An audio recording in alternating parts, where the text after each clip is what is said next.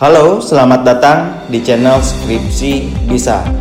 Bagi kalian yang saat ini sedang mendengarkan atau menonton video ini, mudah-mudahan kalian selalu diberikan kesehatan, kalian selalu diberikan kelancaran atas segala urusan dan pekerjaan-pekerjaan kalian.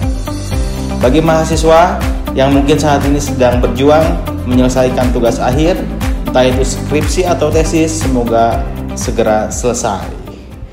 Kita akan berbincang kembali di segmen monolog podcast. Kali ini kita akan berbincang terkait bisa gak skripsi diselesaikan dengan cepat.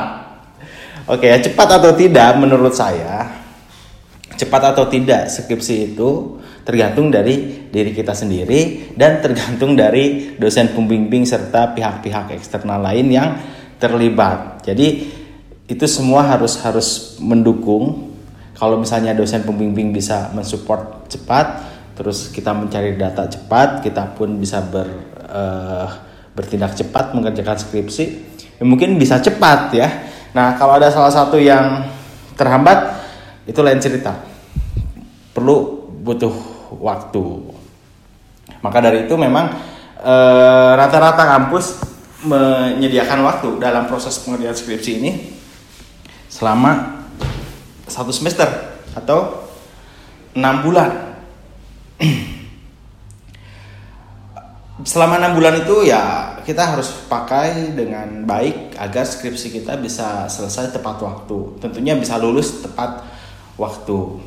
Banyak juga mahasiswa yang tidak mampu memanfaatkan waktu sehingga dalam enam bulan itu gak cukup dan harus nambah semester. Tapi kalau dilihat dengan waktu enam bulan itu sangat cukup sekali bagi saya. Terlebih mahasiswa itu sudah mulai diperkenalkan dengan skripsi atau hal yang hal-hal yang berbau dengan penelitian mulai semester 5. Dari mulai mata kuliah statistika, metodologi penelitian itu antara semester 5 semester 6 gitu ya. Kemudian teori-teori terkait keilmuan kita itu udah dari awal bahkan. Maka dari itu sangat cukup sekali mengerjakan skripsi 6 bulan. Nah, yang jadi pertanyaan bisa nggak dipersingkat? Bisa, bisa saja ya. Bahkan kita pernah mendengar ada mahasiswa yang lulus tiga setengah tahun. Jadi e, dalam menempuh sarjana itu kan tidak eh, empat tahun ya idealnya empat tahun tapi kalau misalnya paling cepatnya tiga setengah tahun dan banyak juga mahasiswa yang mampu menyelesaikan jenjang pendidikan sarjana selama tiga setengah tahun. Artinya semester 7 udah selesai skripsinya. Maka dari itu ya bisa saja gitu ya dipercepat. Tapi kenapa banyak mahasiswa yang uh, tidak mampu menyelesaikan jenjang sarjananya selama empat tahun?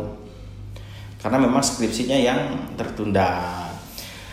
Nah, kalau saya lihat, saya pernah melihat ya beberapa artikel dan juga beberapa video terkait tips pengerjaan skripsi. Ada yang mengatakan uh, tips mengerjakan skripsi tujuh hari selesai tanpa revisi.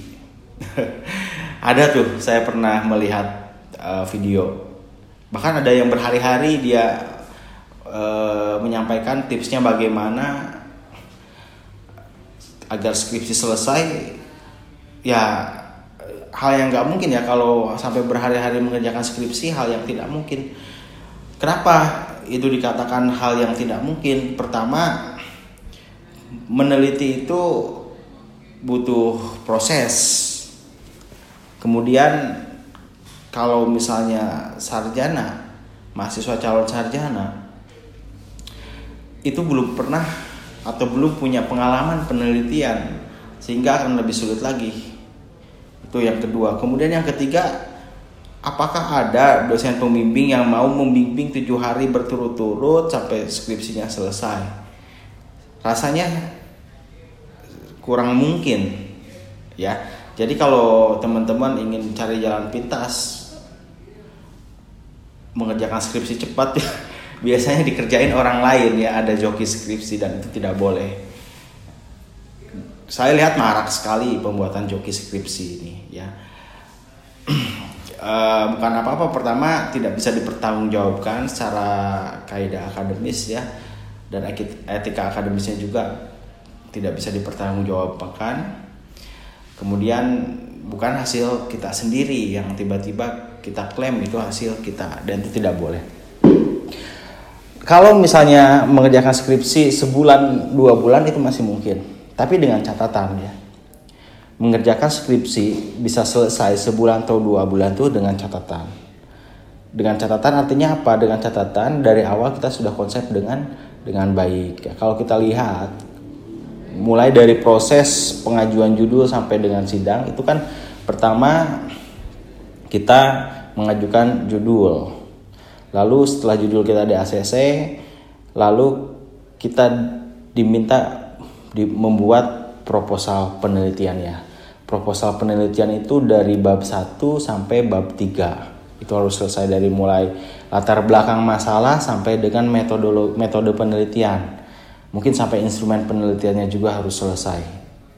Itu pra meneliti, kita harus membuat rancangan penelitian. Setelah itu selesai proposal penelitian itu akan diseminarkan.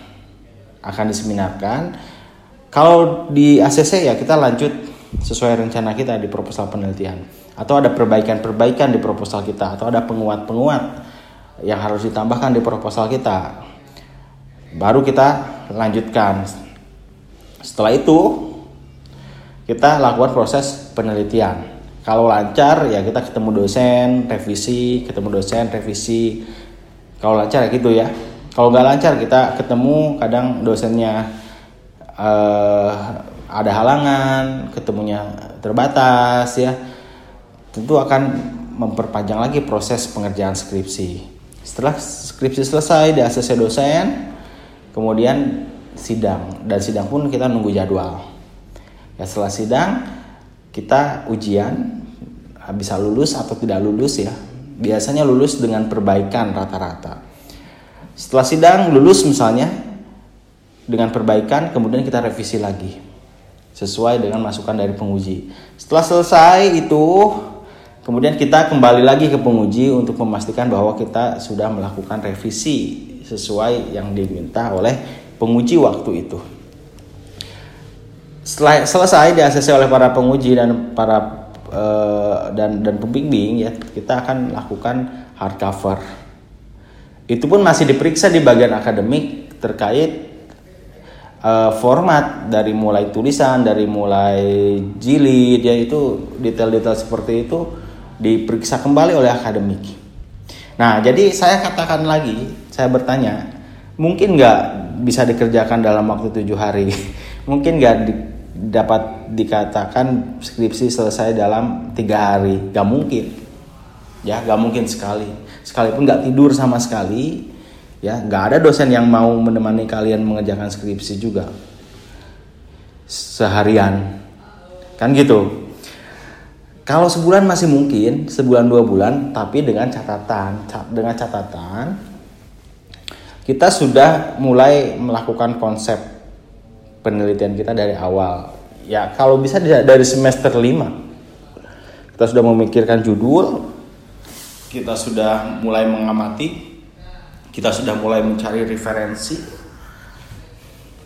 Kita sudah mulai nyusun mungkin. Ya meskipun hanya sekedar konsultasi kepada dosen belum ada pembimbing ya kita coba. Kita sudah mulai baca-baca jurnal baca-baca penelitian terdahulu baca-baca buku ya terkait uh, topik yang akan kita jadikan skripsi. Saat proses pelaksanaannya misalnya ya ketika konsep itu matang kita tinggal melakukan penelitian. Tidak capek lagi dan tidak mulai dari nol lagi. Apalagi kalau e, dari hasil rancangan penelitian kita ini atau konsep kita ini sesuai dengan apa yang diharapkan oleh dosen pembimbing. Itu tidak akan lama. Sebulan dua bulan bisa selesai. E, di mana sih hal yang paling lama dalam proses pembuatan skripsi proses yang paling lama dalam pembuatan skripsi itu ada di bab 1, bab 2, bab 3. Kalau di bab 4 itu kan hanya menyajikan data dan menginterpretasikan data. Itu sebentar. Nah di bab 1 sampai bab 3 ini saya pikir dan saya rasa ini yang paling terberat. Mulai dari cari teori, mulai dari cari fenomena dan permasalahan yang ada, data-data pendukung kita, kenapa penelitian ini penting dilakukan ya. Itu yang uh, agak lama di sana.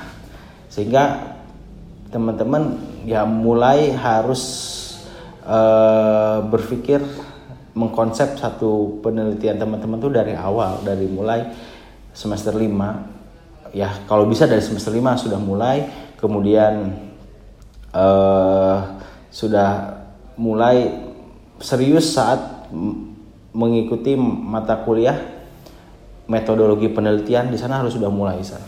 Nah baru dengan catatan itu sebulan dua bulan bisa selesai skripsi. Tinggal kita cari data penelitiannya, kemudian kita olah, kita susun bab 4 bab 5 nya selesai gitu ya sebentar nah kalau misalnya teman-teman tidak lakukan itu ya mungkin tiga bulan sampai enam bulan masih bisa dikejar kalau misalnya startnya dari semester 7 atau semester 6 nah kalau sama sekali tidak tidak lakukan itu terus mepet waktunya sampai misalnya waktu dua bulan lagi harus selesai skripsi teman-teman belum punya konsep apa-apa mulai dari nol saya rasa tidak mungkin satu bulan dikerjakan. Apalagi satu minggu. Ya itu tidak, tidak mungkin lagi gitu ya maka dari itu kalau misalnya ingin cepat sebetulnya harus curi start dari dari awal kita bisa nah kalau ketemu dosen pembimbing yang uh, mudah ditemui kalau ketemu dosen pembimbing yang sulit untuk ditemui Tentu ini menjadi tantangan tersendiri. Apalagi dosen pembimbing yang misalnya perfeksionis, hal sekecil apa pun, yang entah itu tulisan dan lain-lain diperhatikan, ya kita pun harus mengikuti karakter dosen pembimbing. Ya, jadi eh, saya rasa kalaupun ada tips yang mengatakan tujuh hari selesai, tiga hari selesai, bahkan sebulan selesai, ya itu kemungkinannya kecil ya dari kondisi pun berbeda ya entah itu dari kondisi dosen kita dari kondisi kita sendiri dari kondisi keilmuan kita itu sangat beda sekali. Ya kalaupun benar mereka bisa melakukannya dengan tujuh hari selesai skripsi tanpa revisi ya mungkin mempunyai dosen pembimbing yang terus-terus mendampinginya gitu ya. Atau dia sendiri gak tidur selama tujuh hari mengerjakan skripsi siang dan malam. Kuat tidak tidurnya. Ya bisa jadi seperti itu. Uh, kalau saran dari saya menghadapi skripsi ini pertama jangan terlalu dianggap berlebihan. Artinya ini adalah hal biasa yang harus dilewati. Sebetulnya bisa lancar kalau kita pun mengikuti proses dan prosedur yang sudah ditetapkan. Mulai dari awal tentunya ya di semester 5 kita sudah mulai berpikir. Itu kita tidak akan tidak akan menjadi hal yang menakut, menakutkan lagi ya apalagi menjadi beban biasanya skripsi menjadi masalah dan menjadi beban ya, karena kita sendiri yang selalu menunda-nunda. Sehingga seolah-olah kita terpepet. Dan stres jadinya. Akhirnya ketika kita stres depresi boro-boro mikir skripsi ya. Yang ada pikiran kita terkuras karena depresi itu sendiri. Bukan karena skripsi sebetulnya dan akhirnya ya tidak bisa lulus tepat waktu. Ya. pengertian skripsi perlu pemikiran yang tenang perlu pemikiran yang matang dan perlu mental. Ya. Entah itu saat direvisi oleh pembimbing skripsi kita entah itu kita menerima masukan-masukan dan saran pembimbing kita perlu siap mental juga. Mending kalau misalnya pembimbing memberikan saran yang pakai bahasa yang biasa. Kalau sudah pakai bahasa yang tidak biasa artinya yang memang kita ini eh, yang yang bisa mengusik mental kita nah kita harus siap-siap juga. Kadang kadang juga ya pembimbing ada yang keras. Nah kalau misalnya kita mendapatkan pembimbing seperti itu jangan mudah diambil hati ya. Tujuan pembimbing sangat betul ya tujuannya pasti ingin skripsi kalian selesai dan sesuai ya agar bisa lulus. Harus berpikir ke sana jangan sampai berpikir tidak baik. Yang akhirnya kita menjadi depresi yang akhirnya stres ke kitanya dan proses pengerjaan skripsi pun menjadi terganggu. Nah ini ini perlu perlu mindset yang bagus ya. Jadi kalau misalnya dikatakan bisa cepat selesai mengerjakan skripsi ya bisa. Tergantung dari kita. Kalau kita dipersiapkan dari awal kita strategikan cara penyelesaiannya itu akan cepat. Beda kalau misalnya kita hanya berleha-leha kita hanya uh, nunggu nanti ah, enam bulan lama gitu ya. Nanti aja. Bimbingan pun jarang gitu ya. Ya bagaimana bisa cepat selesai? Sementara proses bimbingan itu hal yang perlu tanpa uh, eh, ACC dari pembimbing skripsi kita ya tidak tidak ada apa-apanya meskipun sudah jadi ya. lalu pesan saya perhatikan juga etika kita kepada dosen dosen pembimbing terutama entah itu etika cara menghubungi dosen melalui WhatsApp bagaimana cara menghubungi dosen melalui email ya bagaimana menghubungi dosen melalui telepon atau bagaimana kita berkomunikasi dengan dosen secara langsung tatap muka gitu ya bimbingan. Ini perlu uh, etika juga. Agar semuanya lancar. Ya agar semuanya lancar. Kita bisa lulus tepat waktu. Nah, jadi uh, obrolan kita saat ini sebetulnya cepat atau tidak tergantung kita. Namun cepat cepat di sini tidak bisa diartikan tujuh hari gitu ya. Satu bulan atau beberapa hari itu gak bisa. Meskipun banyak orang yang banyak ya materi yang memberikan tips selesai tujuh hari dan lain-lain itu gak saya rasa nggak nggak lah gitu ya. Jangan jangan didengar lah ya. Yang penting kita berupaya terus dan punya target. Kapan harus selesai target harus realistis. Ya jangan sampai kita menargetkan skripsi selesai tujuh hari. Realistis gak kalau realistis gak masalah ya. Dosen pembimbing udah mau ngebimbing sampai bisa selesai tujuh hari gitu ya. E, pihak lain yang terkait responden misalnya bisa kita temui kapan pun ya. Kita bisa terus kerja selama tujuh hari itu ya terserah kalau itu ya. Tapi itu sangat jarang sekali bahkan mungkin nyaris tidak ada. Dan kalaupun ada yang bisa selesai tujuh hari hasilnya saya pribadi sangat meragukan sekali apalagi mahasiswa yang bersangkutan misalnya belum punya pengalaman meneliti sama sekali. Ya, sekelas dosen pun saat meneliti saat melakukan penelitian itu uh, perlu waktu yang nggak bisa berhari-hari dikerjakan. Apalagi cari-cari referensi ya. Cari-cari penelitian terdahulu mencoba mempelajarinya itu lama sekelas mahasiswa yang idealnya baru belajar meneliti dengan menyelesaikan skripsi tujuh hari kalaupun bisa ya hasilnya dipertanyakan. Ya hasilnya dipertanyakan. Uh, mungkin itu aja kali ya obrolan kita kali ini. Mudah-mudahan obrolan kita, bincang-bincang kita saat ini bisa menambah satu insight bagi teman-teman semua, bisa menambah satu uh, motivasi bagi teman-teman semua untuk segera menyelesaikan skripsi. Bagi mahasiswa yang mungkin saat ini dalam proses masuk ke tingkat akhir ya di semester 5 atau semester 7 ya harus betul-betul difikirkan dari sekarang mengenai penelitian teman-teman. Kalau misalnya mau ngambil jalur skripsi, kalaupun mau lulus tanpa jalur skripsi pun ya mangga silahkan ya. Ada biasanya kampus yang menawarkan lulus tanpa skripsi pun ada sebetulnya. Tapi kalau dilihat bobotnya bobot pengerjaannya sama aja project-project biasanya ya yang diharuskan oleh kampus kepada mahasiswanya sebagai syarat kelulusan itu ada aja ya nah mudah-mudahan jadi insight bagi teman-teman semua dan mudah-mudahan bermanfaat ya. Itu saja kalau misalnya nanti ada sesuatu hal yang menarik untuk disampaikan kepada teman-teman saya akan buatkan lagi video di episode episode berikutnya. Terima kasih.